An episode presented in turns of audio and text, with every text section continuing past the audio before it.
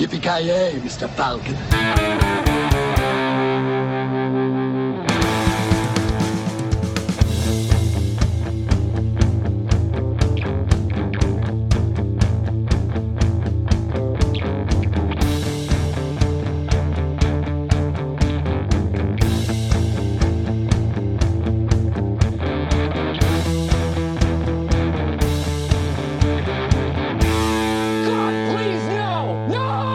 Jajamensan gott folk, hjärtligt välkommen till ännu ett avsnitt av Creative Melta Podcast. Ni lyssnar på mig, Kalle. Joakim Granström. Eh, Avoya. Och eh, Kent. Jajamensan, vi har med oss en skadad Granström här nu. Eh, hur känns det? Ja, alltså livet är helvetes hårt. Det är den här podden som håller mig från självmordets kant alltså. Fan. Det är kul att höra, kul att höra. Säga... Stark livlina där.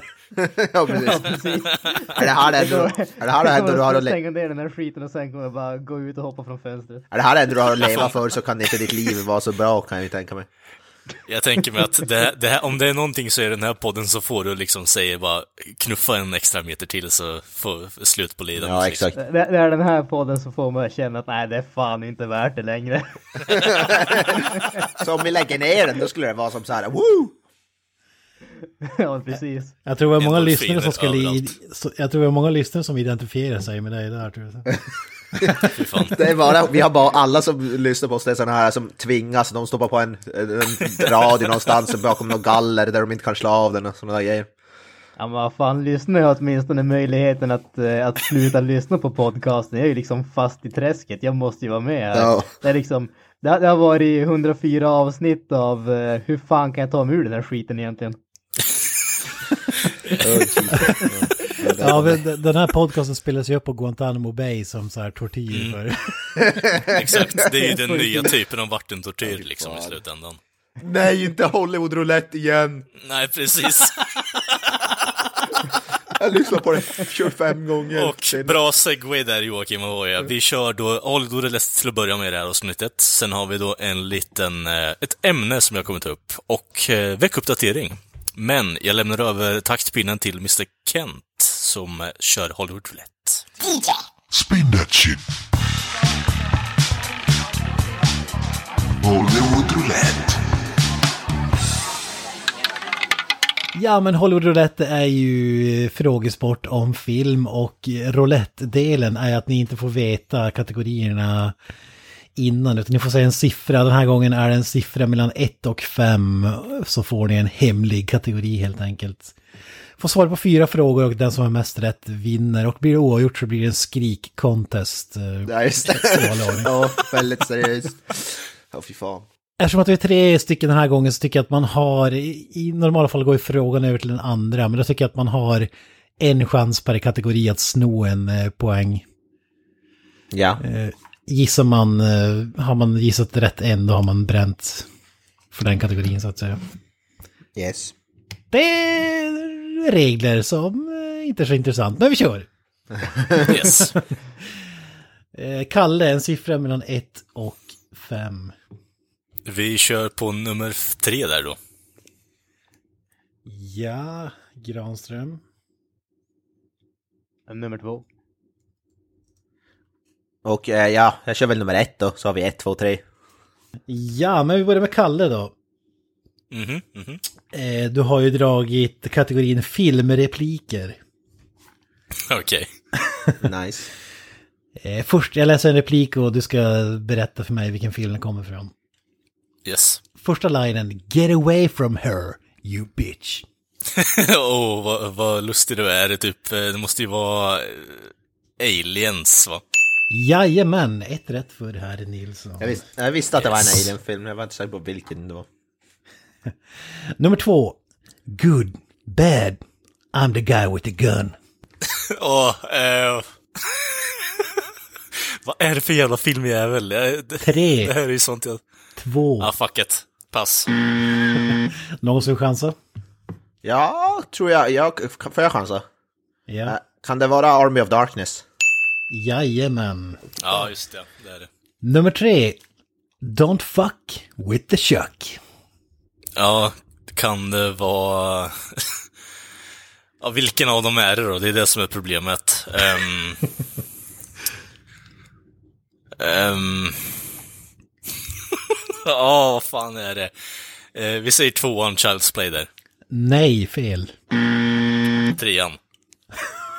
Någon som har en gissning? Ja, jag, har ju- jag har ju bränt mig min så det är ju Granström i så fall. Ja, jag får väl gissa då. Då, då säger jag Child's Play 3. Jajamän, hur fan visste du det? Ja. Det där var, inte, det där var ju en, det visste du ju, det var ju ingen chansning. Nej fan, jag skulle aldrig chansa. Jag borde hålla min käft ibland känner jag. Ja. Vet du, du borde faktiskt göra det, Kalle.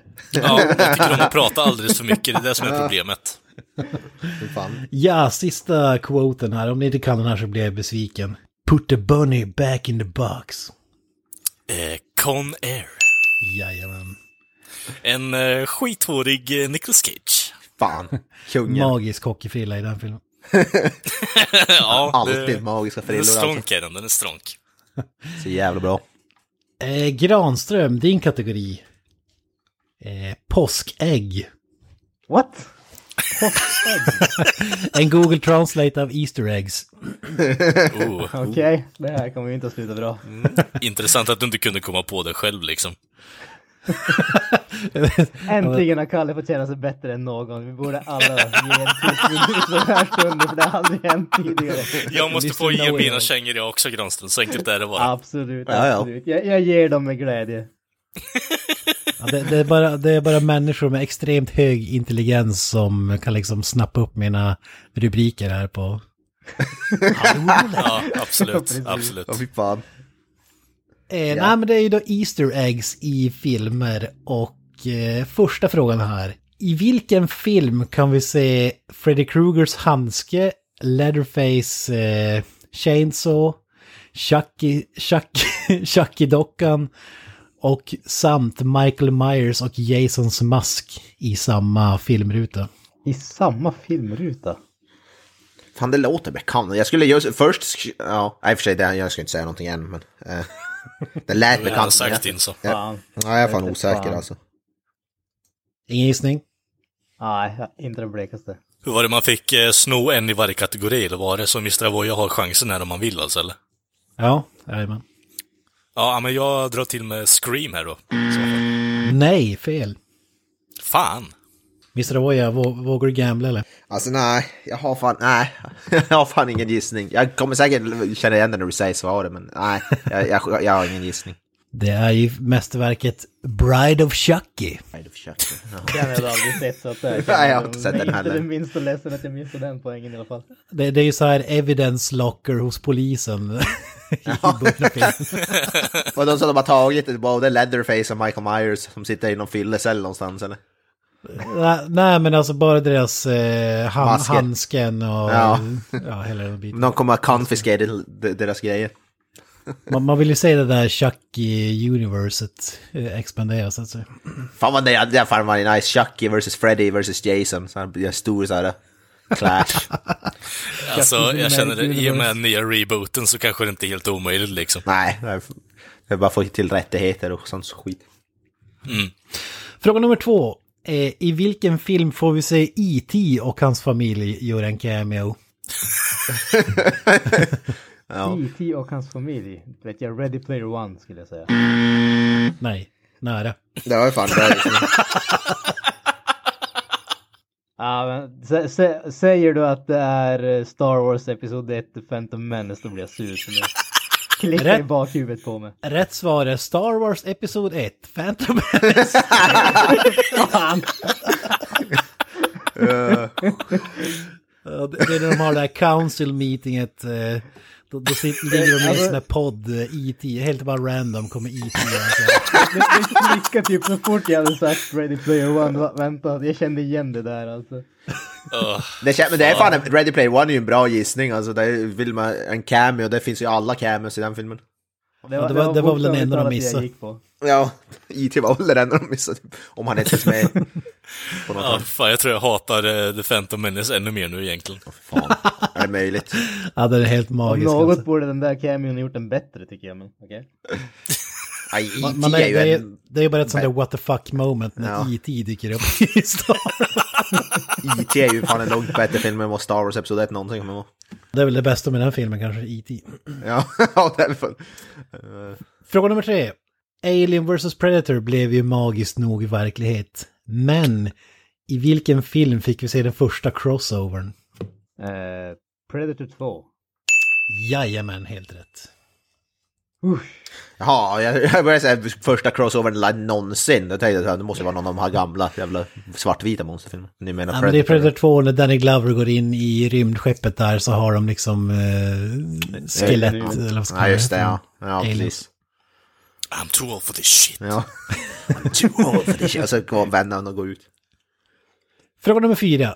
I filmen Fight Club så placerade David Fincher medvetet in en viss grej i varenda scen i den här filmen. Vad är det han planterade i bakgrunden? Eh, det är Starbucks eh, koppar. Kallar man det koppar? Jajamän, kaffemuggar, men Ja. från Starbucks. Precis. Skulle representera att Starbucks fanns över jävlat allt. Eh, två, två rätt, det får man ändå... Ja, ja, Star Wars Episod 1, får se om den blir avgörande, den där missen där. ja. Mr. Avoya, han hade dragit kategorin 90-talsfilmer. Oh. Nice. Eh, vilken 90-talsfilm har, har världens mest sålda soundtrack? Det här soundtracket sålde mer än 45 miljoner ex världen över. Fan. Jag tror jag har ett tum. 45 miljoner, det är ju några stycken. Mm, det är ju det. Alltså det är, det, är ju ofattbart mycket. Alltså 45 miljoner. Det är, alltså fy fan. Ah. Nej, jag vet inte fan alltså. Nej, pass. Motherfucking Titanic. Nej för helvete. Det är ju motherfucking bodyguard. I will always love Jajamän, you. hur fan kan du den? Fy fan. Jesus. Va? Prat- Frågar du mig eller frågar du Kalle? Nej, det är såklart, det är Bodyguard. Ja, självklart. Vad? Det, det är inte någon direkt stor hemlighet. Alltså gre gre grejen, uh, ba bara för att uh, säga det, det, det är bara en sån här grej som folk har uh, insett, eller det är inte direkt en nyhet. Eh, men i stort sett alla de här stora rekorden när det kommer till skivförsäljning och sådana grejer kommer förmodligen aldrig att eh, klås av någonting nytt därför att eh, skivförsäljningen har ju gått ner så pass mycket på grund av nedladdning, på grund av digital distribution, Spotify, alla sådana grejer. Så alla de där storsäljarna kommer förmodligen aldrig att, eh, aldrig att ändra placeringar. Så att, att Bodyguard har varit extremt framgångsrik på så sätt och sålt typ löjliga mängder. Det, det bara är ett faktum och den kommer förmodligen alltid vara den mest sålda, eh, sålda soundtracket någonsin. Så att då vet ni det. Fy fan. Vi får ju se, beta-test-soundtracket är ju uppe i 44 miljoner fysiska ex, så vi får se om... Ja, just det. Fy fan vad nice. Det är ju faktiskt så att någonting var ju tvunget att vara bra med den filmen och det var ju Oförglömligt soundtrack. oförglömligt soundtrack. Inte för att jag kommer ihåg något av det men det var definitivt oförglömligt. Fråga nummer två. Hur fort måste bussen i speed gå för att bussen inte ska explodera?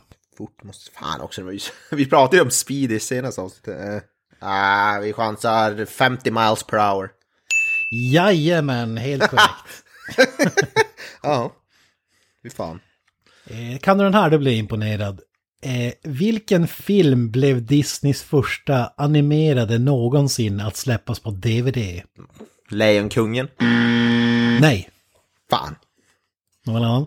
Det var fan en svår fråga det där alltså. Ja. Det är inte den mest eh, kända filmen om man säger så.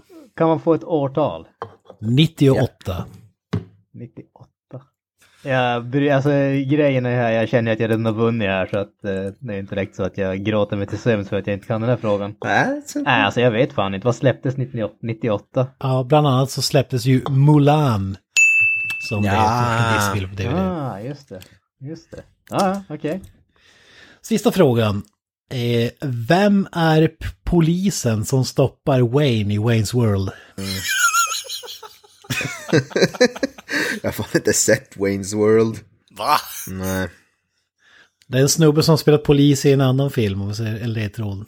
Snubbe som spelar po- polis i en annan film. Va? Vilken film då? Eh, nej, jag, inte, inte, jag har inte en susning. Inte, inte, inte ens en gissning. Mitt Eh, ja, jag skjuter mig själv i foten, men jag har ingen aning. Alltså så här, jag har sett filmen, men jag skulle säga typ Robert Patrick.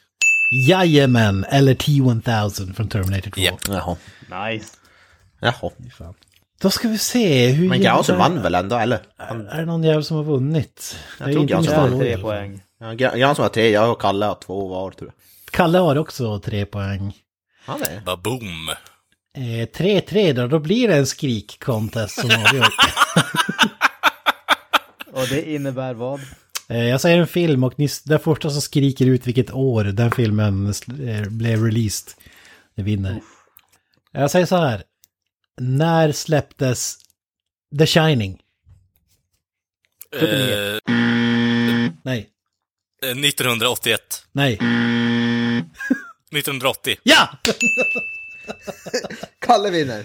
Där satt den. Kalle, reigning champion. Baboom! Grattis, grattis, grattis. Äntligen så har han fått känna sig bättre än någon annan igen. Ja, Det var två länge. gånger i detta avsnitt. Det är mycket sodium från din sida det var, idag, lä- det var länge sedan alltså. Det, det här är fan på CV när Kalle söker sitt nästa jobb. Alltså, då är det. Ja, Har ett eget band, vann tävling i podd. Hollywood Roulette, volym Ja. 4. ja, nummer tre. Fan, nice. Och ett för den delen, så jag vet inte riktigt. Jag, jag känner det, det här skapar ju bara en, en farlig försmak för han. Det, det är ju, nu är vi på låg nivå, så två avsnitt från det här, då vet det fasiken vad som kommer att hända med Kalle alltså. Då Mm. jäklar. Fy fan.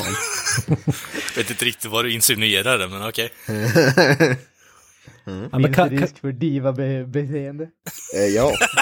Det känns som att det är någon annan där som displayar det för tillfället, men okej. På, på tal om divalater, Kalle, du kan ju fira segern genom att eh, guida oss genom ditt eh, diskussionsämne här som du hade på, vad hade du på hjärtat? Yes, eh, jag har ju då, det har ingenting med eh, ämnet att göra, men jag har ju då suttit barnvakt åt mina kusiner i helgen. Och... Eh, vad sa du? Kinky. Ja, nej, inte riktigt, inte riktigt så. Det är manliga kusiner och eh, det hade inte varit på det spåret i alla fall. Det ändrar, det ändrar väl inget, höll jag på att säga. Hur som helst, hur som Jag, jag, helst. jag tycker om att det, det, det där du går också, det är manliga. Det, det är där. Hade, hade det varit kvinnliga då? Då jävlar. Jävlar. De lyssnar på podden också, så jag vet inte riktigt. Oj, oj, oj. Det bli skitkul för dem. Hur som Okej, helst hur, hur gamla är de? Hur gamla är de? Eh, Den äldsta är 15 om jag inte minns helt fel och den andra är 12. Det spelar lite in till eh, det jag kommer ta upp här då. För det vi hade var ju nog en liten filmkväll på slutet av eh, lördagen där. Och eh, de satt och dividerade i vilken film vi skulle se.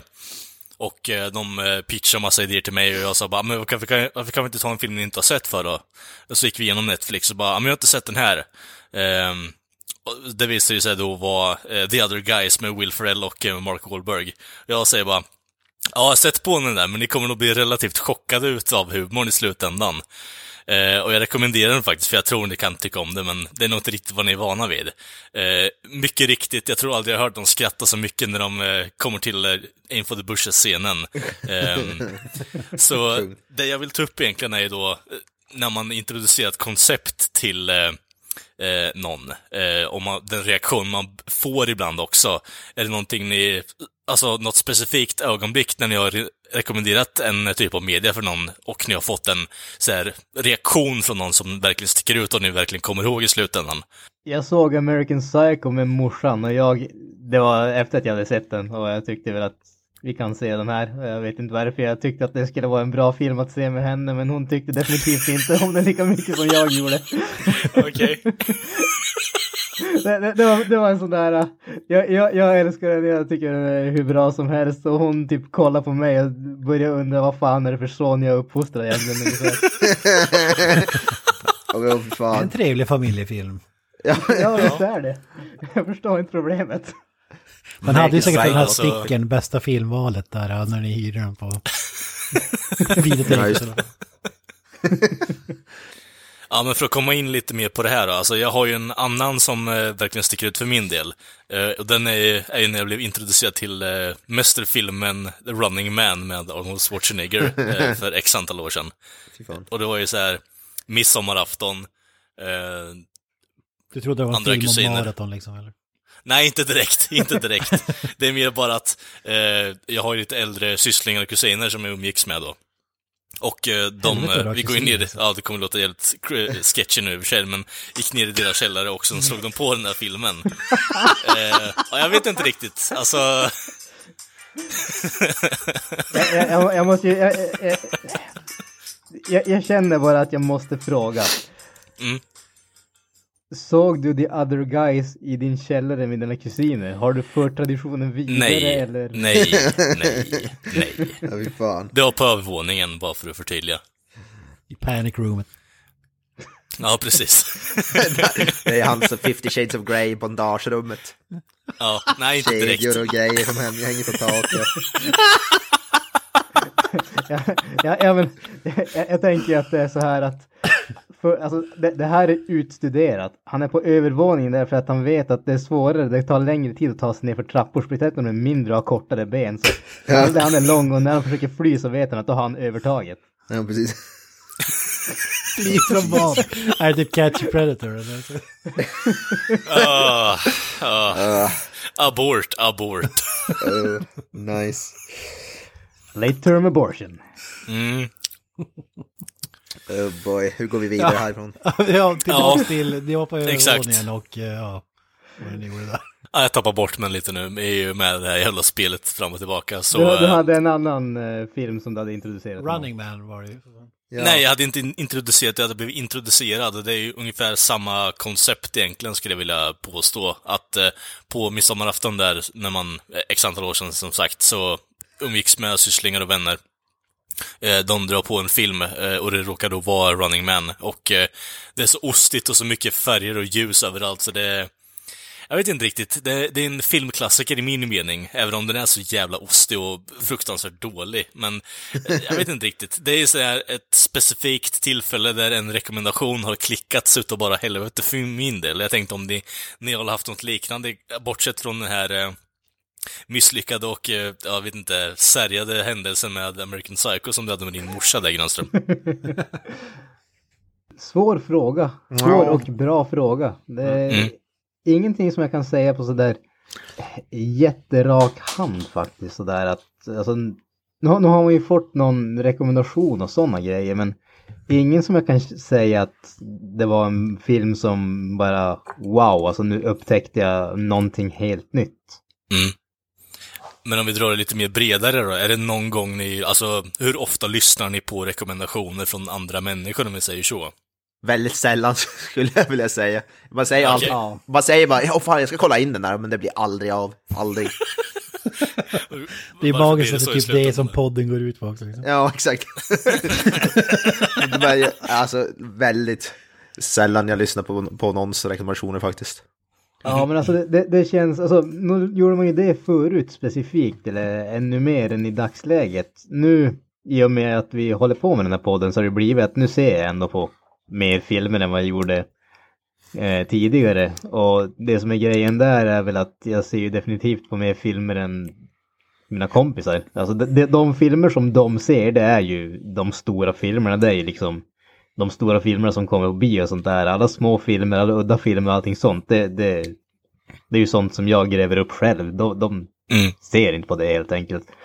Men eh, jag tror alltså om man ska, som sagt, om man ska bredda ut det lite grann.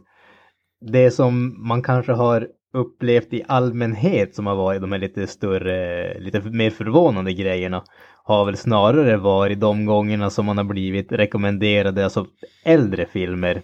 Eh, filmer som kanske gjordes på liksom tidigt 80-tal, 70-tal, 60-tal, alltså de grejerna.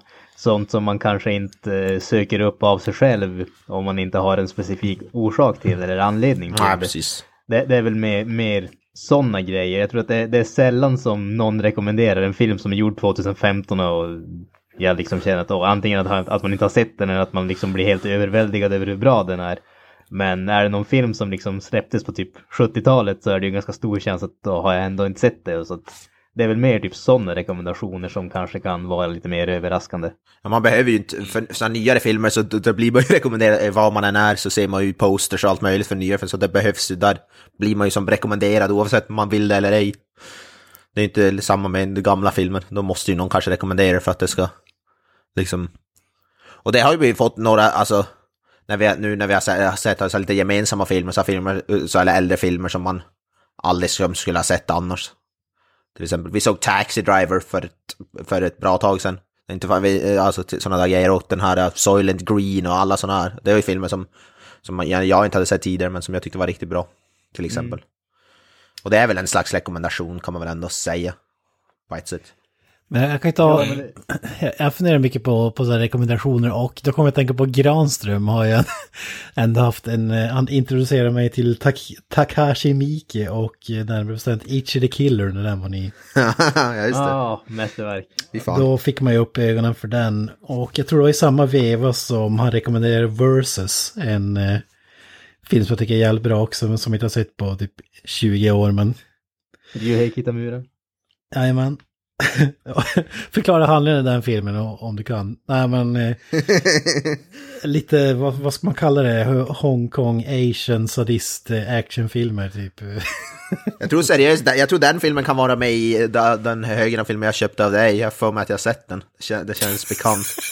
ja, mycket Ja, det- möjligt, mycket möjligt. Li- Ligger den, i, ligger den i den beryktade säcken då ska du absolut släppa fram den och kolla på den för den är riktigt, riktigt bra. Det, det är ju, alltså det, det är en japansk actionfilm som är extremt bisarr, extremt out there och väldigt låg budget men fantastiskt underhållande.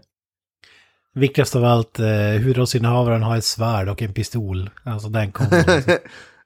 Kan vi, kan vi säga att Mindhorn var en rekommendation? I, så- I så fall är det den världshistoriens sämsta rekommendation någonsin. ja, det är det fan i mig. Gran som har gjort en av de bästa rekommendationerna och en av de sämsta. Jag vill påstå att Mindhorn är långt ifrån den sämsta rekommendationen vi har fått här i podden men Nej, jag tror fan inte det. Jo, det är långt ifrån faktiskt. Home, alltså, Nej, vad fan det, det är överlägset den sämsta jag har fått under hela min livstid i alla fall. Jag, ska, jag kan inte säga att någonting skulle... Ja, Nej, ja det nej. kan nog fan vara där, där uppe Definitivt alltså. inte. Inte ens när alltså- jag rekommenderat cancer så var det liksom... Ja. Open house i all ära, men nej, Mindhorn slår den med hästlängder.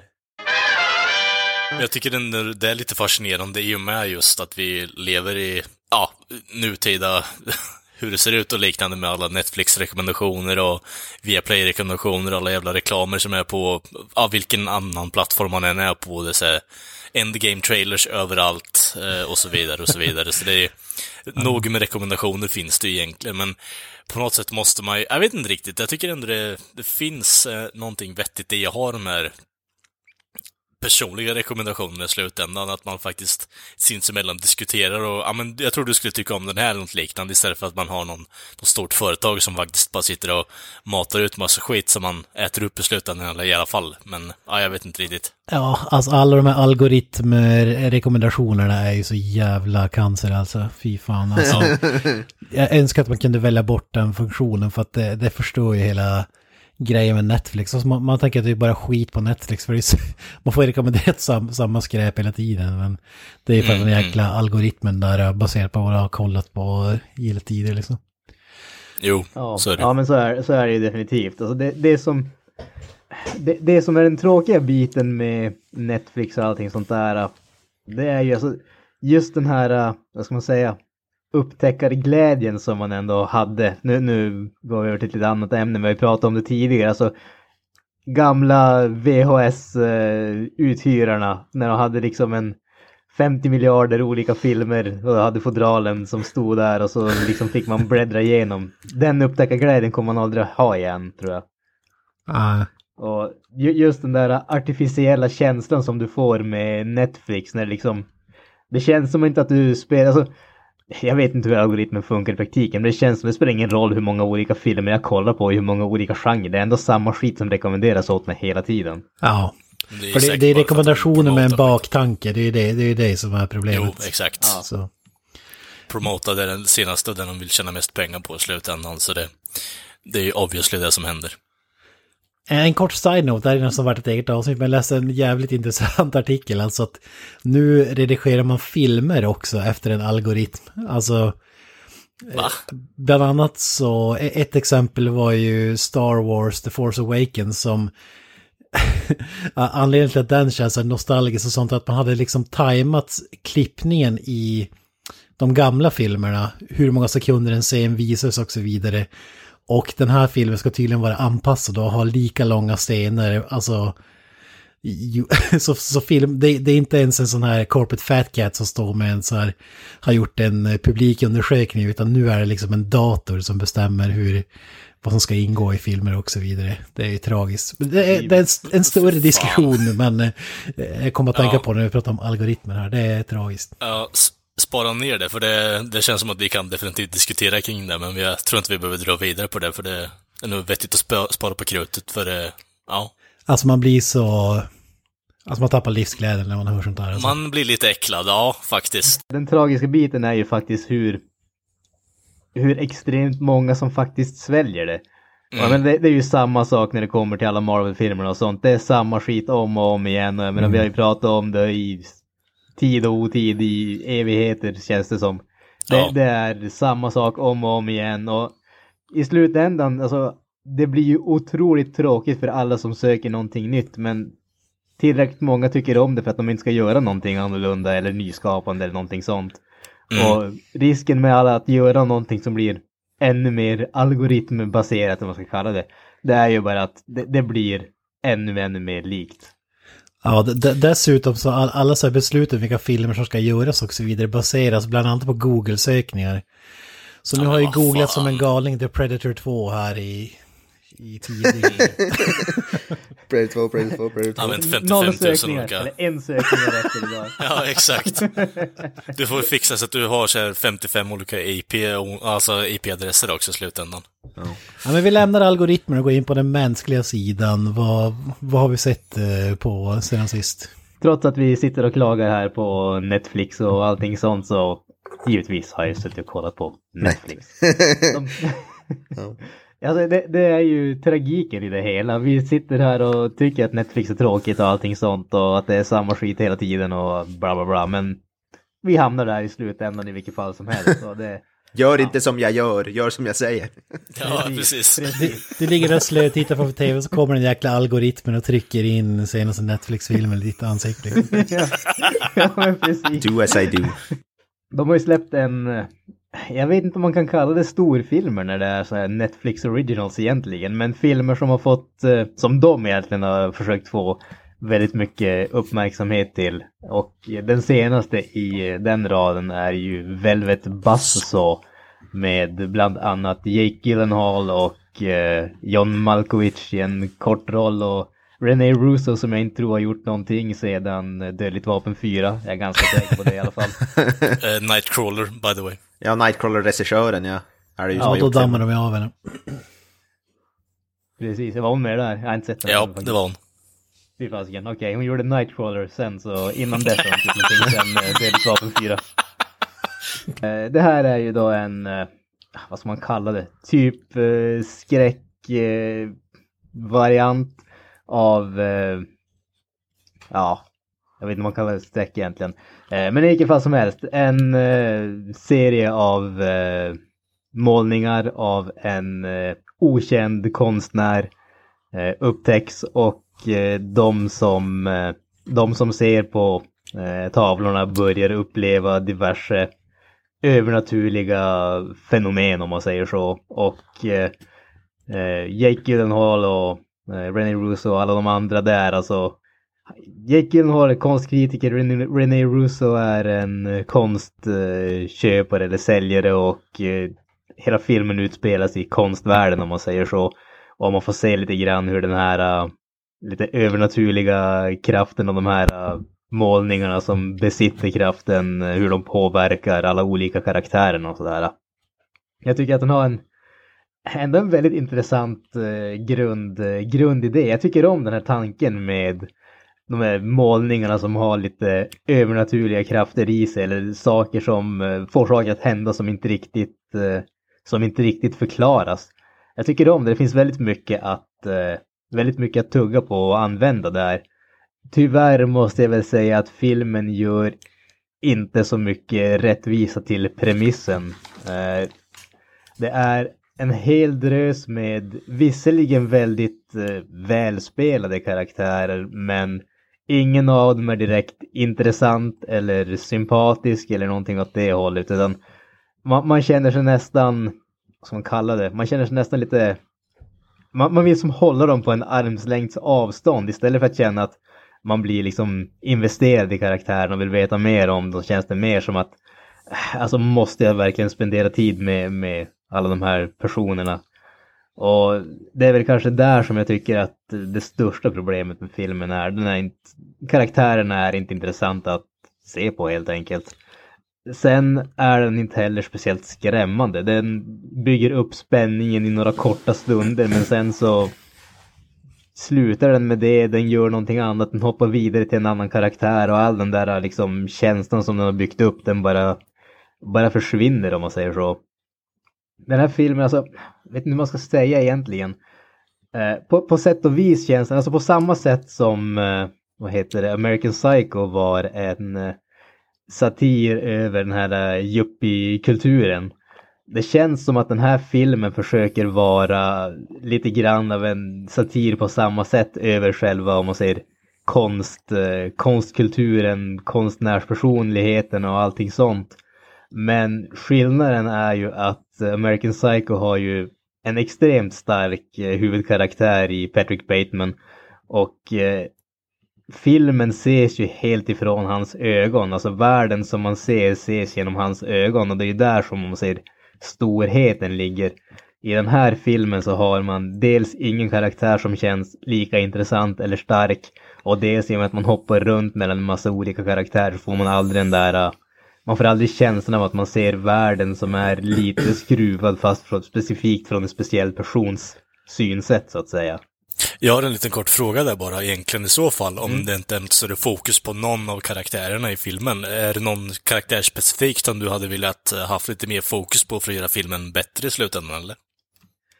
Alltså jag tycker egentligen inte att det behöver vara att den har mer fokus på någon speciell, utan jag tycker snarare att eh, det hade nöjts, det hade räckt om de hade fokuserat på färre karaktärer. Nu mm. känns det som att man hoppar mellan så många karaktärer att eh, ingen av dem kommer riktigt till, till sin rätt om man säger så. Eh, och jag tror att hade man bara kapat ner det några stycken så tror jag absolut att det hade kunnat vara en betydligt starkare film. Mm. För vi har ju inte pratat om den här filmen sinsemellan varandra på eh, vår grupp i alla fall. Eh, och sagt att vi såg lite fram emot den. Så det är ju tråkigt att höra att den verkar vara så dålig. Jag kommer ju se den i alla fall bara för att få en egen åsikt kring den. Men... Tycker... Ja. Alltså jag men... tycker den är inte, den är inte mm. dålig. Det är bara det att den lever absolut inte upp till den potentialen som den har. Nej, eh. precis. Det är lite besvikelse där i slutändan. Men det är ju liksom ja. i slutändan, jag vill inte säga att det är dåligt, men det är ändå det jag drar ut från det, att det är lite, inte riktigt det vi hade förväntat oss när vi har pratat om den sinsemellan, som sagt. Nej, det, det, det, skulle jag definitivt säga. Det, man ska, det jag också vill säga eh, är ju att alltså, den tekniska biten är väldigt imponerande. Det är en välgjord film, alltså rent tekniskt när vi kommer, jag ser som sagt min parad, eh, min tagline, vad ska kalla solitt det. hantverk. Precis, solitt hantverk. Den, den här filmen det har vi hört förr. mer än solitt hantverk skulle jag säga. Den har vissa, om man säger visuella bitar som jag tycker är inte bara bra utan riktigt jäkla bra. Där det kändes som att eh, nästan så att man hade kunnat pausa filmen och bara kolla på det som om det vore en tavla ungefär. Så att det finns, alltså, det finns behållningar i filmen. Jag tycker absolut att, jag tycker faktiskt att den, den är ändå värd att se bara för hur välgjord den är ur det rent tekniska perspektivet. Men sen som sagt, filmen som film håller inte riktigt eh, hela vägen. Det finns mycket potential men den, den lever inte upp till den potentialen tyvärr. Det låter lite som Ghostbusters 2 här, när du säger tavlan är övernaturliga, Vigo kan Alltså nu, nu kommer jag säkert att chocka någon här i alla fall. Jag vet inte om jag någonsin har sett hela Ghostbusters 2 faktiskt. Fuck you.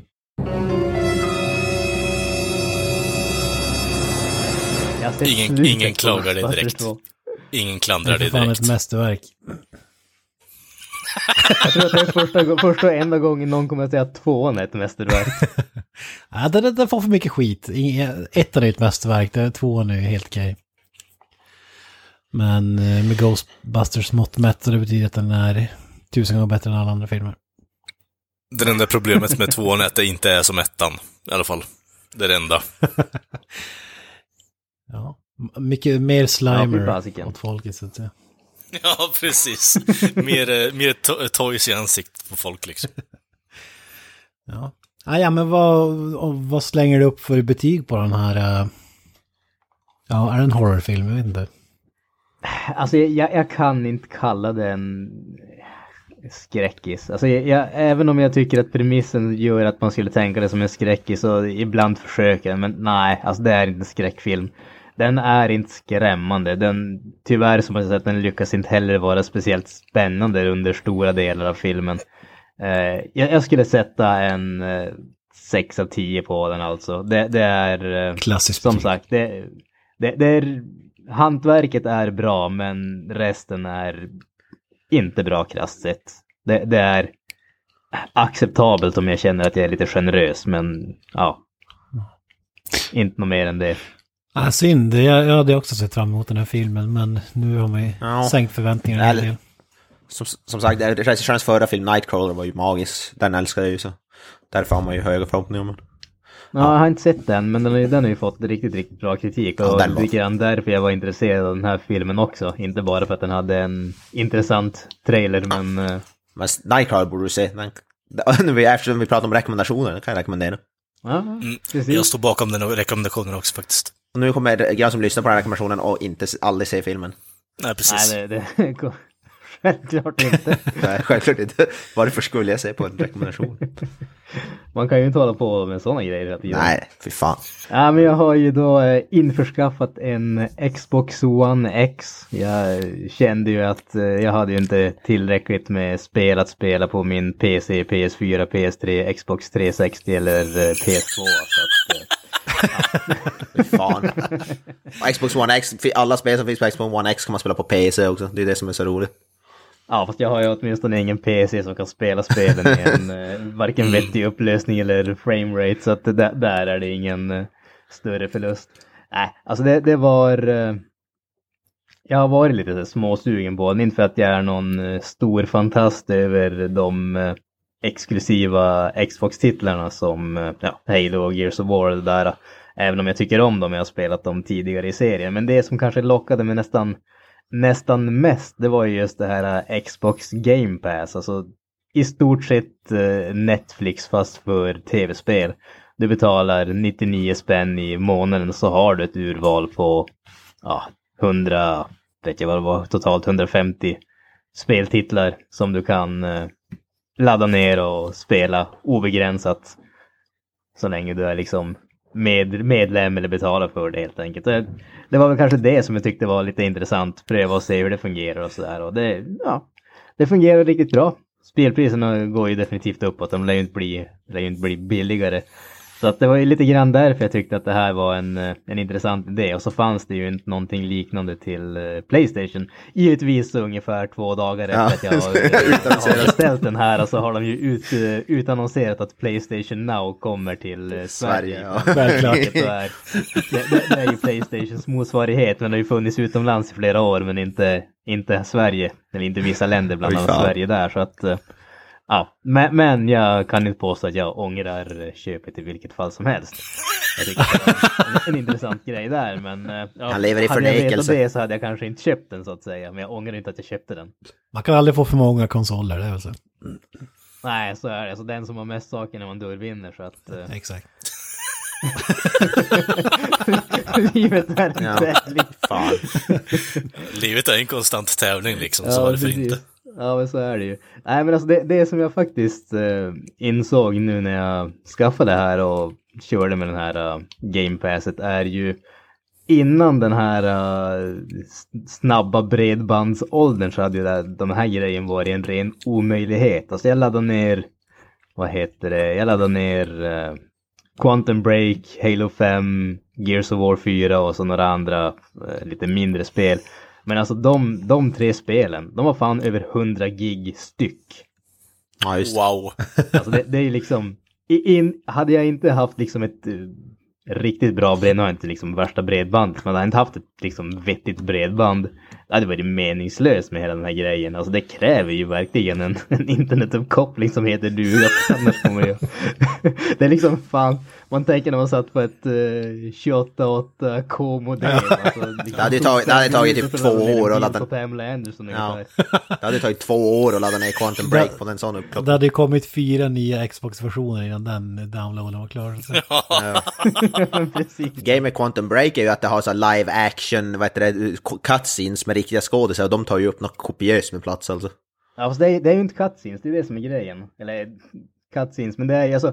Ja, tv-serie, Eh, jag, jag, jag spelar ut spelet så jag kan ju Ja. faktiskt dra några korta grejer om det. Det är ju, eh, för de som inte känner till det så är det ju Remedy som har gjort det, finsk eh, spelstudio som gjort eh, bland Max- annat Max, Max Payne Payne. Way Back och eh, Alan Alan Wake. Wake, till eh, Precis. 360. Eh, och det här är ju deras eh, nyaste spel och grejen här är ju att eh, alla skådisar, eller alla karaktärerna är ju riktiga skådisar så att säga. Eh, så att eh, Aiden Gillen som är känd kanske mest i dagsläget för Game of Thrones, han är Littlefinger där men han har även varit med i en jäkla massa andra grejer, bland annat Dark Knight Rises och så vidare.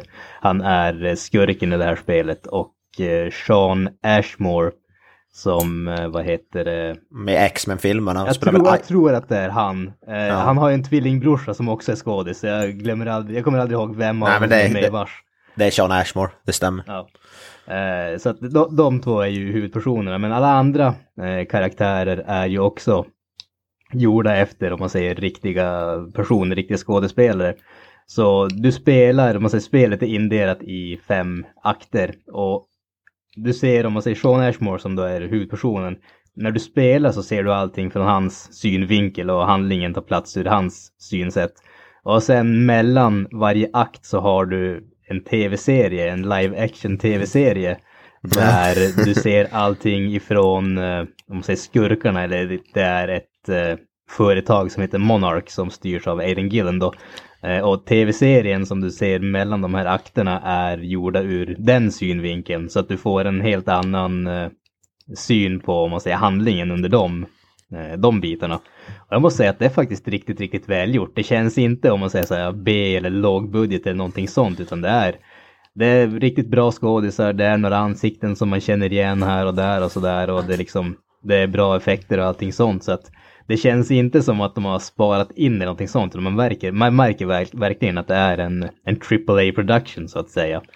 Eh, sen tycker jag väl inte att eh, spelet riktigt eh, når upp till eh, kvaliteten när det kommer till vissa delar av spelmekaniken och sådana saker.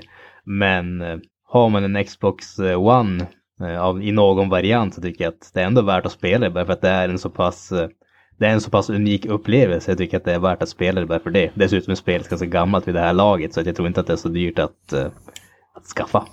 Jag, jag, måste, jag, jag håller inte, jag tycker de här tv-serierna kändes ganska lågbudget, speciellt om man ser till kvalitet, alltså fotot och sånt där. Jag vet inte, jag tyckte skådespeleriet var bra, men allt annat tyckte jag kändes väldigt, så, alltså väldigt så här, Jag, Jag vet inte, jag, vet inte, jag störde mig aldrig på det. Jag tyckte aldrig Ja. att det kändes liksom... det, det känns så konstigt, det känns som om man har tagit en så här stor högbudget Hollywood-rulle och så gjort om det till så här sitcom-längd av avsnitten. Det kändes väldigt märkligt på något sätt tycker jag. Eh, jag vet inte, det, känns som att man har tagit så Mission Impossible men sen typ tryckt ner det till så här 20 minuters avsnitten och det, jag vet inte, det kändes bara, eh, på något sätt konstigt. Alltså, det, det är ju inte så att man ska förvänta sig liksom Hollywood-filmkvalitet, men jämför det med typ en random eh, brittisk tv-serie av valfri popularitet så tycker jag absolut att den står på den nivån om man säger så. Det, det är ju...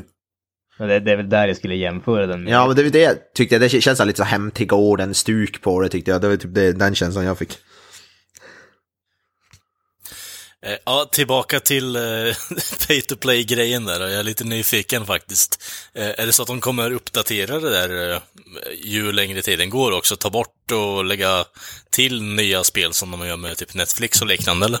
Ja, så, så är det. Jag vet Okej. faktiskt inte hur ofta de byter ut spelen eller hur ofta de lägger till nytt och tar bort sånt. Men ja, jag har sett på Twitter i alla fall att det är någon gång som man sett att okej, nu finns det här på vad heter det, Game Pass och det finns även när du kollar på Game, Game Pass i konsolen kan du se vad som är nytt och sådär. Så att det kommer definitivt nya grejer att tas bort grejer där också. Så att eh, Mm. det, det verkar vara ett roterande, roterande stall så att säga. Värt pengarna med andra ord, eller? Eh, det tycker jag absolut. Eh, som sagt, jag tycker 99 kronor i månaden, det känns absolut eh, rimligt. Eh, utan, utan tveksamhet från min sida i alla fall, än så länge. Mm. Eh, sen ska jag ju vara ärlig och erkänna att jag har ju inte betalat för, för den biten än heller. Utan med konsolen fick man en månad och sen så vad heter det, signar man upp för eh, löpande prenumeration så kallar det så fick man en till månad. Så att jag tror inte jag behöver betala förrän i april för just Game Passet. Men det, det är absolut värt noll kronor om vi säger så. Jag har ju då återbekantat mig med eh, serien Archer, eh, som finns på Netflix, nio säsonger. Ja, fan. Eh, har kommit till säsong tre och eh, ja, jag märker att jag har tappat eh, en hel del från det jag sett innan. Jag har riktigt ingen koll på vart jag slutar egentligen, men jag bestämde mig för att kolla om på hela skiten och ha med på säsong tre. Och för er som inte vet vad det handlar om så är det ju då en eh, komediserie med eh, spiontema. Så eh, jag som tycker om James Bond eh, är ju det här, ja, som hittat egentligen i slutändan. Eh, och det är riktigt, eh, jag vet inte riktigt. Det, jag tycker humorn överlag är jävligt on point ibland och de, eh, de sätter upp jävligt mycket grejer och sen kan den få en payoff typ fem eller sex avsnitt down the line. Så jag, jag, jag uppskattar fortfarande den här serien och det, jag vet inte, den håller fortfarande upp. Eh, det var jävligt länge sedan jag började kolla på den, men eh, ja, jag vet inte riktigt varför jag tog upp det, men det, var, det kändes som att det var dags och det är glad att jag gjorde det, för det är många skämt som man inte riktigt kommer ihåg och som ändå slår till hårt som fan ändå. Så jag sitter och asgarvar där på kvällarna när jag inte har något annat för mig. Ja, den är kul. Ja, Jag har, sett, jag har sett typ en eller två säsonger av den där serien. Den är faktiskt helt kul. Måste jag erkänna. Jag tror bara jag har sett nå- något enstaka avsnitt där i början. Gör de fortfarande serien eller har de lagts ner?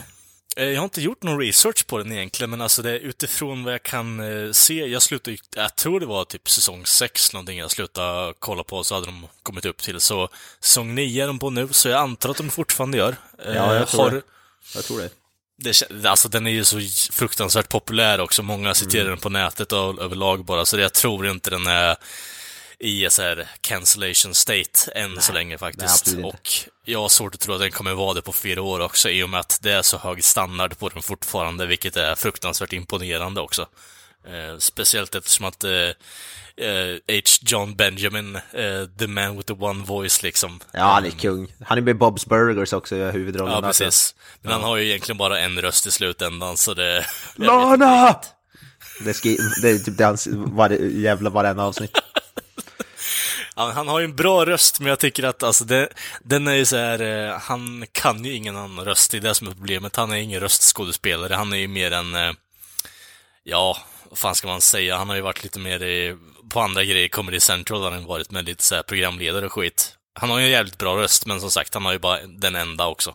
Han är ju bra Men, också, eh, ko- han är ju bra komi- alltså komiker, han är ju sjukt, sjukt bra som, tycker jag. Ja, gud ja, hans timing är ju Ja. perfekt skulle jag vilja säga, till en stundtals i alla fall. Så det är helt underbart faktiskt. Skön människa överlag också, men jag tycker verkligen att han kommer till sin rätt i eh, Archer faktiskt. Och det är sarkastisk, dryg jävla agent liksom, som är, ja, kvinnoförnedrande och liknande och har andra problem i, i sitt egna Ja, liv. Liksom. Det, alltså det, inte på grund av det som att han är bra, utan det, är- det är mer en del av humorn. Han får ju massa skit för det också, så det blir ju mycket back and forth blir det ju.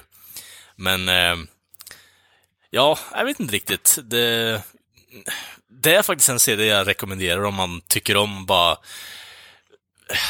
koppla av ett tag och bara stänga av hjärnan och skratta någon, men, men, alltså typ en 20 minuter eller en timme beroende på hur många avsnitt man bestämmer sig för att kolla på. De är runt 20 minuter.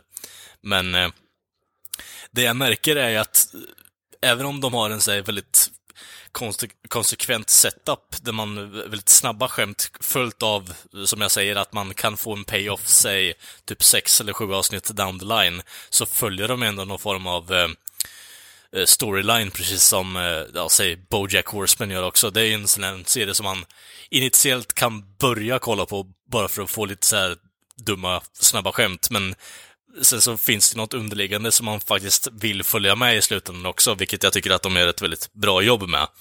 Men eh, som sagt, väldigt lite av det kommer jag ihåg, så jag bestämde mig för att kolla om på det egentligen.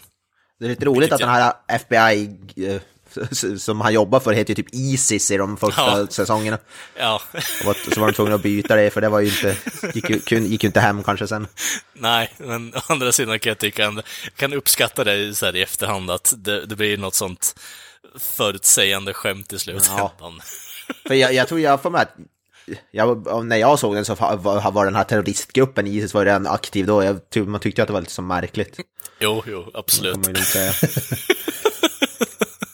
Ja. ja, nej, men det är roligt att se. Den är, den är faktiskt kul av det jag har sett i alla fall.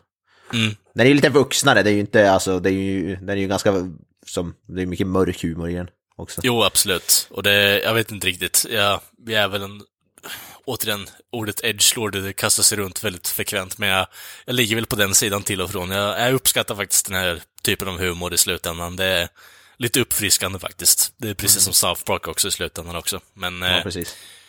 Kent då, du hade inte sett den eller? Nej, nej, jag har varit och... Jag har väl jag har tassat runt den så att säga och varit intressant. Men just för att det är så jäkla många säsonger så tänker jag att... Ah, det Ja. kanske inte är värt att liksom bli... Det känns som en serie som- tio som- säsonger, liksom. Ja, det känns som en serie som Kent skulle se på. rekommenderad av Netflix alldeles för många gånger så det är därför sparkar bara Gud och den. Ja, Ja men det, det, det ligger faktiskt någonting i det, för den dyker ju alltid upp Ja. på Netflix. Det gör Ja, det. precis. Så Mm. ja, då blir man genast Ja, jag- alltid. Jo, jag förstår det. Jag förstår det helt och hållet. Det är så här, det är någonting som ska vara organiskt, att man faktiskt vill ta del av det och inte bli att det ska tvingas ner i halsen på den i slutändan faktiskt. Så jag är helt med på hur du tänker. Är det någon här som Men, har sett, sett Bob's Burgers för övrigt? Jag har sett något avsnitt eller två, men jag, jag vet inte riktigt. Jag, jag fastnar samma inte för det. Ja. Jag har också Ja, sett så har jag, jag tycker att det är helt okej. Det, det går att slösa sådär, men det, det är inget som... Alltså vad fan, vad fan ska man säga? Om det finns solitt hantverk för den här typen av serier så är det väl typ den. Alltså det, Ja, inga toppar, inga dalar egentligen, utan det är mycket Nej. mellan... Det är eh, inoffensive content liksom. Och det är lite mer så här äh, gnabb mellan familjemedlemmar och typ så här lite väl seriöst. Ja. Alltså man vill ju ha det där Klassisk sitcom liksom. oseriösa. Ja, precis. Nej, men annat än Archer som jag har återbekantat mig med så har jag ju då precis som eh, resten av världen fått eh, Resident Evil-feber. Eh, och ehm, har då inte gått till tvåan som har fått en ny remake, utan jag har gått till ettan. Och ja, för första gången spelat inom det här spelet. Jag är inte riktigt klar än, men jag har då återbekantat mig med remaken och fått en eh, släng av eh, kontrollfeber eh, med tanke på hur jävla klonkig Ja, och fan. så jävla Ja, de har tank, de har tank control som de gamla spelarna har, så jag, är inte Ja. ett stort fan av de kontrollerna alltså. Nej, jag får säga att jag måste få, jag får lite klaustrofobi när jag sitter och spelar och kommer en zombie i en korridor och jag inte kan röra mig på normalt sätt som jag vill heller. Det, det bidrar till känslan helt enkelt, men jag vet inte riktigt. Det, det är ett underbart pusselspel, alltså survival horror, eh, och var en av dem som startade, om man inte tänker på Alone in the Dark, eller vad fan det jävla spelet hette. Men det är ju Silent typ samma Hill. princip.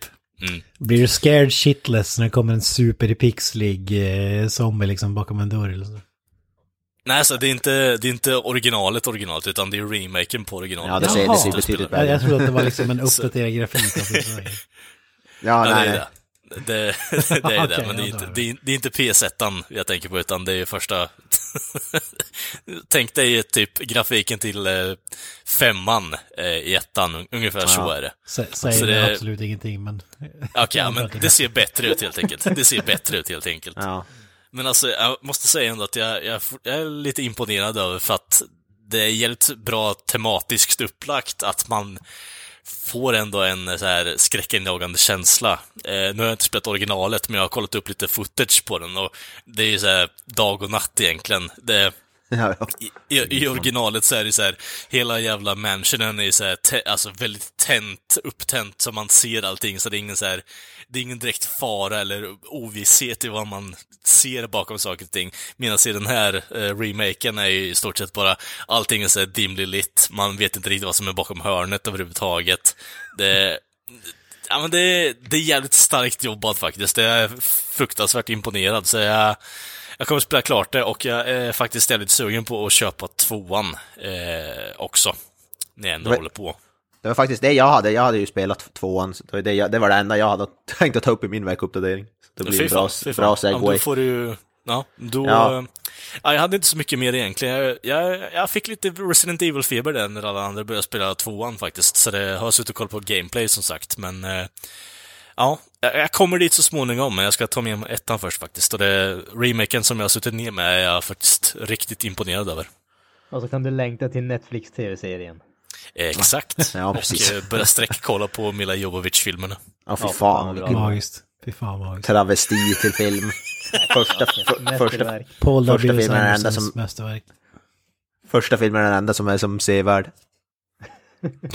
Ja. Ja men du, Resident Evil 2, vad var jag? Du hade Ja. spelat det. Ja, jag har spelat remaken och den har ju, den har ju inte de här fruktansvärda tank control som den här originalen har. Alltså, den här har ju en sån kamera som ligger bakom då karaktären som är lite mer så vanlig tredje person istället för att, ja de som inte har spelat de gamla, det är som en låst kameravinkel så ser det som lite som uppifrån nästan om man ska säga, det är som svårt att beskriva.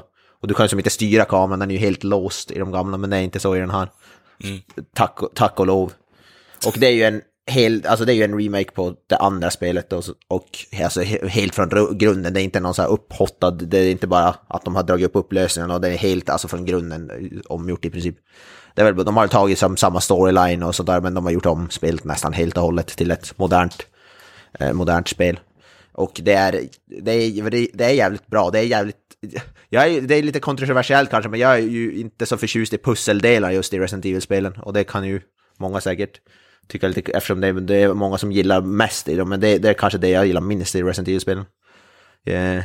men men det, det är ändå inte, det är, de är inte, det är inte så komplicerade pussel som man, som man sitter och sliter håret av sig. Så. Men det, det som är nice med det här, är att det är ju, du är ju som ingen superhjälte, du går ju inte omkring med ett maskin, eller som en Terminator och skjuter ihjäl typ 500 zombies på det man... En zombie i det här spelet tar typ fem skott, fem, sex skott rakt i huvudet för att den ska dö i princip. Det, det är ju på den nivån. Mm. Och det gör att det blir jävligt creepy och spelet är jävligt mörkt också, så de går omkring med en ficklampa 99% av tiden. Men det, det blir så, och du har väldigt, väldigt lite ammunition. Alltså du, ja, nu det senaste jag spelade hade jag slut, jag var tvungen att springa från allting för det gick jag. Och så var det zombiehundar som jagade mig och fan hans moster. Det gick åt helvete. Men det, det är ett jävligt, alltså det är jävligt in, ett intensivt spel och när det kommer det zombies, man blir ju som verkligen som, så svettig för att man måste, missar du några, några skott och du, så vet du, kan du gå åt helvete. För du har som inget, inget sätt att försvara dig. Och alla som sagt zombies tar fem, sex skott i skallen för att de ska dö. Och då, du kan skjuta ner dem och sen landar de så här, ah, nu är han död och så går du förbi och så, så börjar de ställa sig upp igen. Typ. Det, är- det är som jävligt välgjort på ett så, skräcksätt. Mm, mm. Det är ju det är definitivt ett, mer ett skräckspel än ett actionspel. Som, som många av de senare Resident Evil kanske inte kan skryta med. Typ, ja, femman, sexan, de, de där som bara är rena och jävla Matrix-spel i princip. Mm. Det här är lite mer survival, survival horror. Lite, och- lite nostalgi, det man minns från de första spelen på Playstation 1, det var liksom, jag ägde det inte själv, men jag hade polare som spelade och nej, Ja. det var ju typ man gick i en mörk korridor och så skulle man öppna en dörr och så kom en loading, loading screen på typ en kvart och så öppnas dörren och så är det en jump scare med en superpixlad zombie liksom. Ja, ja, ja så är det ju. Ja, det är, Magiskt, kla- det är magiskt. klassiker. Det finns någon, någon scen i de där gamla, där någon klassiker när en sån här hund hoppar igenom ett fönster. Det var ju så här Ja, värsta jump, jump scaren typ någonsin. Den minns jag fan. Ja, ja men det är ju en klassisk jump scare i vad heter det, spelvärlden. När man har så här mer listor över de, de moment man blir räddast över brukar ju den, just den scenen. Spelade du Resident Evil 7? Eh, Ja, jag spelar. Jag har nästan klarat ut det. Jag, kom, jag är, eh, ja i princip, jag är så i slutet, men ja, jag har spelat det. Det var ju, rikt, det var ju riktigt... Ja, Det är alltså, riktigt jag, bra. Jag, jag älskar ju det spelet. Jag tyckte det var riktigt, riktigt bra. Vad, vad tyckte du om just den där bytet till första persons perspektivet jämfört med Resident Evil 2 då, som där du har den mer, mer actionbetonade tredje persons perspektivet, även om det inte är ett actionspel. Men Jag föredrar ju, jag föredrar ju första person nästan, i alla fall när det kommer till skräckspel så jag tycker nä, jag nästan gillar det mer, jag tycker jag blir lite mer in your face, lite, lite mer psykologiskt. Och ja, jag vet inte, jag tycker, jag tycker, nästan, jag tycker nästan om det, men det, det, det beror ju på spel också. Jag tror inte att Resident Evil 2 den hade passat i första person. Tror jag, men jag gillar, jag tycker Resident Evil 7 är ju riktigt bra. Det, det, det, det kan jag också rekommendera om man gillar skräckspel. Men den här tvåan är, ja, det är det är snyggt, det är jävligt snyggt. Alltså grafiken är sinnessjukt. Jag spelar ju på PC med allt uppskruvat till alltså maxinställningar i princip och det ser jävligt bra ut faktiskt. Det är kopiöst snyggt och det är ja, det är bra skådespeleri, de har väl spelat alltså motion capture med alltså skådisar och ja, ja, det är, det är så, så, så en re- remake ska göras. Ska man göra en remake ska man göra en så här. Man ska inte, alltså det är, det är en 8-9 av 10 hittills. Jag har inte klarat ut, jag, jag vet inte om jag ens har kommit, ja, kanske halvvägs, en 3-4 timmar in. Det ska väl vara kring 10 timmar långt vad jag förstått det. Så det är en solitt hantverk, bättre än ett solitt hantverk, det är ett väldigt solitt hantverk. Ja, eh, jag ska, jag ska kasta mig in i Ben Stillers fantastiska värld. Och har du sett på Natt på museet? Zoolander 3. Nice. Har ju kommit på Netflix. Nej. Ja, precis. det inte förvåna mig. Netflix original. Ja, exakt. Det, det skulle fan inte förvåna mig alltså. Nej, inte än minst. Det kommer så småningom, nu när vi lagt ut idén liksom. Ja, Ben Stiller sitter och lyssnar och bara fan, det fick en bra idé, satan. Ja, men Ben Stiller, jag har kollat på två serier som finns på HBO Nordic. Och eh, den första har ju Ben Stiller regi- regisserat. Han har ju inte bara gjort Zoolander 1 och 2 utan även Escape at Da- Dannemora som den heter. Ja, just det. Den här fängelseserien, ja. Precis, med Benicio del Toro och Paul Da- Dano Dano, hur man nu uttalar det från There Will Be Blood. Och eh, Patricia Arquette. Det är de tre huvudskådisarna. Det låter som en speciell blandning där om jag får säga mitt faktiskt, men... Ja men det, jag tycker att det är tre, tre riktigt bra. Alltså Del, Del Toro är ju alltid kung. Jo, Ja, ja. Dano, han är ju inte riktigt... Ah, han blir ju utklassad i There Will Be Blood om man säger så. Och- Men eh, han är ändå en solid skådespelare skulle jag säga. Och Patricia Arquette är riktigt jävla bra. Jag skulle säga att hon gör nog fan den bästa insatsen i, i den här serien. Eh, Men se- serien är based on a true story och som namnet eh, antyder så handlar det om en prison, alltså ska fly från ett fängelse. Eh, del Toro och Dano är två, två fångar. Man kan väl, om man ska sammanfatta deras karaktärer så Benicio Del Toro är väl typ Morgan Freeman i Shawshank Redemption fast cool. Eh, snubben som fixar allt och är polare med, med vakterna och sånt där. Och, och Paul Dano är mer så här, ja, eh, fuck up kanske är att ta i men... Den andra snubben från Shawshank Redemption, helt enkelt, eller vad? Ja, ja, exakt. Tim Robbins från Tim Robbins. Redemption. Fast han gör det bra, det är det som är skit. Nej.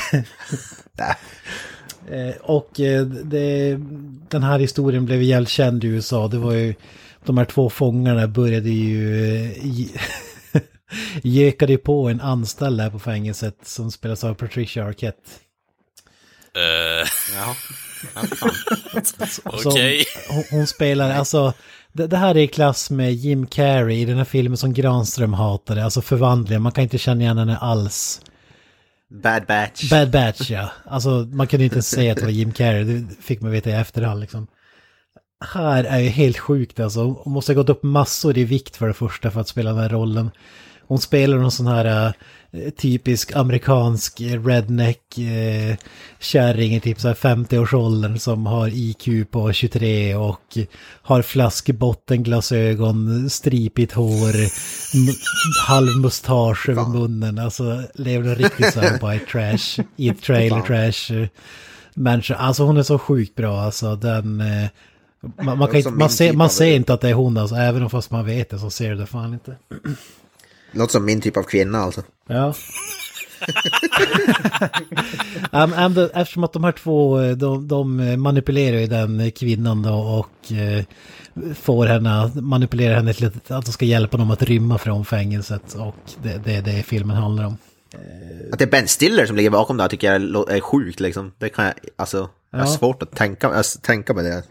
Han brukar vara bra i dem där han inte har med sig själv i filmer och det här är ett sånt exempel. Ja, Den är riktigt bra, den har ju blivit tokhyllad också. Och jag tycker att den är riktigt bra och det jag gillar med den är att Ben Stiller är regissör till alla avsnitt. Det är åtta delar totalt. Alla har kommit ut så man kan binge hela serien om man vill.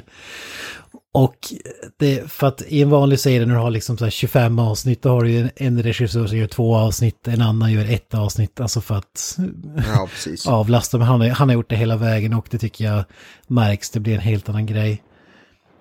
Första fem avsnitten är som en lång film egentligen. Riktigt jäkla bra. Det, är de bästa delarna i serien. Sen kommer det ett avsnitt som, eh, alltså det är bra gjort och sådär, men det är märklig timing varför man väljer att ha det där. Och så att även om det är bra gjort så, så förstör det sig lite för mig och de sista två avsnitten eh, återhämtar sig väl lite men eh, det, det gör att det här, den här serien blir inte liksom ett mästerverk eller så kallar det i, i min bok utan men, men den är riktigt, riktigt bra. Kan starkt rekommendera den. Är det på HBO den finns den här eller? Ja, HBO. Jajamän. Nice. Eh, sj- sjukt välgjord och man kan, ja, man kan inte tro att det är Ben Stiller. de, de, Nej, det låter de gör en sån här true detective-grej att det är liksom ett förhör innan och så sen backar man i tiden så... Ja, det, det tyckte jag var lite synd, men jag, jag förstår hur de resonerar för att det här fallet är så känt i USA så att det är typ som att göra en film om Titanic ungefär, alltså alla vet ju vad som eh, väntar så att säga. Men, men för oss som inte har superkoll, jag vet att jag hörde talas om det här fallet, men jag, jag har aldrig liksom läst eh, detaljer, jag hade ingen aning hur det gick och sådär. Alltså, tyckte det var lite synd, men äh, ri- riktigt jäkla bra. Så om man gillar, det är ju inte en sån här, det är inte liksom Shawshank Redemption, en fängelsefilm, utan det handlar liksom om interaktionen mellan karaktärer och sådär, mer fokus på det än själva flykten, även om det är givetvis en stor del av filmen, så är det det är inte den biten som är den bästa. Men... Ja, just Nice. Och jag hade en liten kort eh, följdfråga där egentligen innan du går vidare, om du hade lust med att... Shoot! Eh, jag tänkte att, eh, blir det ett avslut på säsongen eller kommer de eh, göra en eh, säsong två av det här också? Ja, det, det är det som är den bästa med den här serien. Alltså det, det går som inte att be, berätta så, så mycket mer, utan den här, den har ett början och ett slut. Och det är ju fantastiskt skönt att det är så istället för att alla serier som liksom ska fortgå i, i 20 säsonger och sådär. Utan det, det, det är som en lång film i, med åtta timmes långa avsnitt kan man säga. Men det, det, det tycker man lite om True Detective säsong 1, så det går inte, behövs ingen fortsättning, går inte, men ändå så har det kommit nu två säsonger till. Jo, men det är ju vet- separata till aldrig. just den storyn, så alla Ja. säsonger får ju ett avslut i slutändan. Alla, alla säsonger är antologisäsonger, alltså kallar det. Alltså, du, Ja, du har ju inga karaktärer kommit tillbaka utan det är nya stories varje gång. Och Ja, det är i och för sig. Som en bra segway där, för jag har nämligen också sett fem avsnitt av senaste True Detective säsong 3. Oh, snap. Jag tror att det var många som checkade ut efter säsong 2. Jag har sagt det tidigare, säsong, säsong 1 är typ enligt En av mig i alla bästa fall det ja. bästa, bästa säsongen av en serie jag någonsin sett. Jag, jag tror att jag har sett den kanske fem gånger fr- från start till mål för att den är, Jävlar. Den är jag har bara sett den en gång, men jag kan fortfarande hålla med. Den är ju... Det är ju 10 av 10 i princip. Ja, ja, men det är ju verkligen det. Å, åtta avsnitt också, så det är inte så här gigantisk eh, Nej. lång. Säsong 2 kollade jag aldrig på dock, om jag ska vara helt ärlig. Inte jag heller. Nej.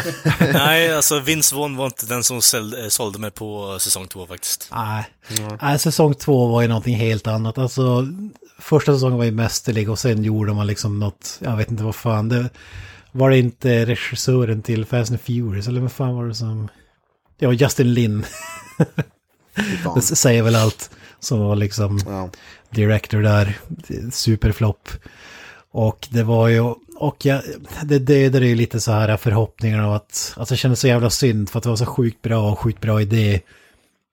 Eh, att göra den antologigrejen och så ta- in riktigt bra skådespelare, Matthew McConaughey och också Woody Harrelson.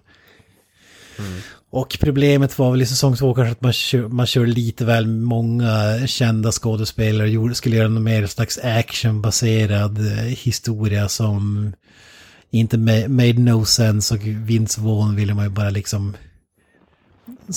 punch in the face. alltså han var ju så fruktansvärt dålig. Men som vi sa här, det, det är olika historier varje säsong och det här är ju en helt ny då. Eh, Och de, de har ju... eh, det här är ju, jag vet inte, jag ska inte säga hur fan uttalar man namnet, men Mahershala Ali. Ja, det lät väl okej. Ja, han spelar ju Cottonmouth i Luke Cage också. Ja, Ja. precis. Ja, han, han är ju fr- framförallt är han ju med i Predators, Nimrod Antals och Robert Rodriguez. Bra skådis är han ju. Han är ju han är ju jävligt bra. Ja, We're säger. making move. ja Mo- Moonlight har jag också känt. Alltså, Moonlight. Om man har sett eh. Luke Cage kan man inte tro att det är samma skådespelare, för han är ju otroligt jävla bra i den här serien tycker jag. Nice. Och så har vi känd från Blade, Steven Dorff.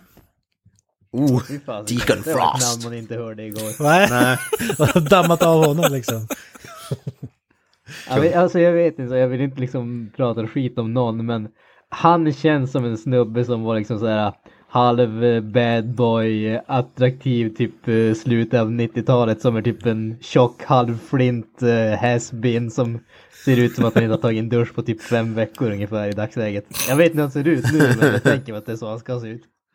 Ja, han, han har ju en, en wig i den här serien skulle jag tro. Men han är, han är riktigt bra faktiskt måste jag säga. Han, han passar på, alltså de har hittat en roll han typ kan spela sig själv, lite douchig. eh, ja, han, han, han kommer till sin rätta skulle jag säga. Han, han är väl Woody Harrelson-karaktären och Marshall Ali är Matthew McConaughey-karaktären. Om man ska jämföra med första säsongen. Vi har ju även Ray Fisher, Cyborg från Justice League och oförglömliga Batman v Superman. Alltså nu är det ju sålt för den här serien alltså. Ja, som fan. Ja. Ja, men den här gången är det ju två, två barn som, som försvinner och eh, i jakten på, på sanningen får vi följa. Och precis som de andra, eller första säsongen i alla fall, så är det i, i princip ingen fokus på själva fallet utan det är ju karaktären i serien, alltså detektiverna, liksom hur eh, destruktivt jobb det är liksom och den mer mör, mörka sidan av eh, för poliser, misstänkta vittnen och, och så vidare. Som, det, det är det man gillar, att den är lite annorlunda på det sättet. Och den här, den här säsongen utspelar sig under tre, tre tidslinjer då. Eh, en typ på 80-talet när de, när fallet är nytt. Och sen under, jag tror att det är tio år senare när de gör, ska göra en uppföljning. Och sen är de liksom 70 år gamla gubbar, Mahershala Ali och Steven Dorff. Eh, men twisten är det här då att Ali, får jag kalla honom det, han, eh, han har ju något tidigt problem, han har ett mentalt handikapp, att han glömmer bort saker. Eh, och eh, ju äldre han blir givetvis, ju mindre minns han och på slutet är i princip dement och ska försöka pussla ihop eh, så, saker och ting ändå. Så det, det är väl både positivt och negativt kan jag tycka, men Då är det så att han berättar någonting och sen bara nej, nej, vänta, så var det inte och så ändras det typ, eller hur? Ja men det är mer, eh, så- som det utspelas nu, alltså det, det har ju dels som i första säsongen att det är liksom polisförhör hela den här grejen, men, men sen har du även, han, han ska spela in en sån här, han ska vara med i en reality tv-show, du vet, typ Making a Murder ungefär, när de följer upp det här fallet göra en dokumentär på typ Netflix ungefär. Ja, det. och, och ska intervjua dem om det här fallet och han, han kan, kommer inte ihåg, kan svara på alla frågor och sånt där och ja, de måste ta intervjun i, i olika delar så att han liksom hinner eh, få pussla ihop det. Så han, han har Ja, liksom det. en diktafon som han spelade in för typ 20 år sedan vad som hände och han lyssnar på den för att komma ihåg vad som hände och det här fallet får, de, får, liksom, får igång hans hjärna så att han, han börjar minnas saker så därför vill han fortsätta med det liksom innan han blir helt dement så vill han Ja, det. knyta ihop Det låter säcken. väldigt memento. Ja, men det, det, det är lite den feelingen. Men det, det som jag, det, jag tycker att det är riktigt bra. Det, folk klagar att den här är extremt långsam. Och den är ju sjukt långsam. Men jag, ty, jag tycker att den är riktigt jäkla bra. Jag, jag gillar det också. Att det är inte som i säsong två att det är massa action och folk som skjuts till höger och vänster och, och hela den där biten. Och eh, sen har du den här memento-biten som du säger. Men det som är lite synd, men det är väl bra också för att eftersom att det blev så mycket backlash för säsong två så har man i princip liknande plot points med säsong ett. Alltså det är mycket som är väldigt likt fast händer med andra karaktärer och så vidare. Så det är lite soft reboot, soft, soft, soft reboot skulle jag vilja kalla det. Men jag gillar ändå att de går, går tillbaka till, till vad som fungerade. Så även om det inte känns unikt då på grund av det så är det ändå eh, riktigt jävla bra. Eh, fortfarande, nu har jag sett fem avsnitt. Jag tror att det har kommit ut sex stycken. Ja, nu. Så jag tycker helt klart att det, att det är värt att om man skippar det, jag gjorde som de flesta, man hörde att säsong två var skit och skippade den. Eller såg andra säsonger och tänkte att nej, det är inte värt det. Så, så är det, tycker jag att det är värt att återvända till säsong tre. Jag skulle säga att det är minst 8 av 10 just nu i alla fall. Det var inte illa. Nej, så eh, skaffa HBO, säg upp Netflix, abonnemanget. Men sen man kan hoppa, alltså ja i och för sig, man, det är inga problem att hoppa in på säsong tre u- utan att ha sett säsong två antar jag. Då. Nej, inte nej inte alls. Eftersom att serierna hänger inte ihop på något sätt. Nej, precis. Men jag jag skulle ändå rekommendera, om, om man är aldrig har sett True Detective och vill hoppa in så skulle jag rekommendera att man ser den första och sen trean och skippar Ja, ja, andra säsongen. Absolut. ja. Ska vi dra grisen i säcken som en vis man en gång sa? Jag tycker vi gör det. Vi drar grisen i säcken som sagt. ja. Jajamensan gott folk, nu har ni lyssnat på ännu ett avsnitt av Creative Mental Podcast. Eh, vi finns ju på sociala medier som Facebook, Twitter, Instagram och YouTube. Finns ju även på Spotify för er on the go. Sen har vi vår egen hemsida som heter creativemeltdownpod.wordpress.com och där lägger vi upp lite checka recensioner och annat fränt material. Ja, eh, vi hörs nästa vecka. Har ni några avslutande ord grabbar? Hail Stan. Stan Lee. Up the irons. Peace out. Eh, Bye bye. That's it, man. Game over, man. It's game over.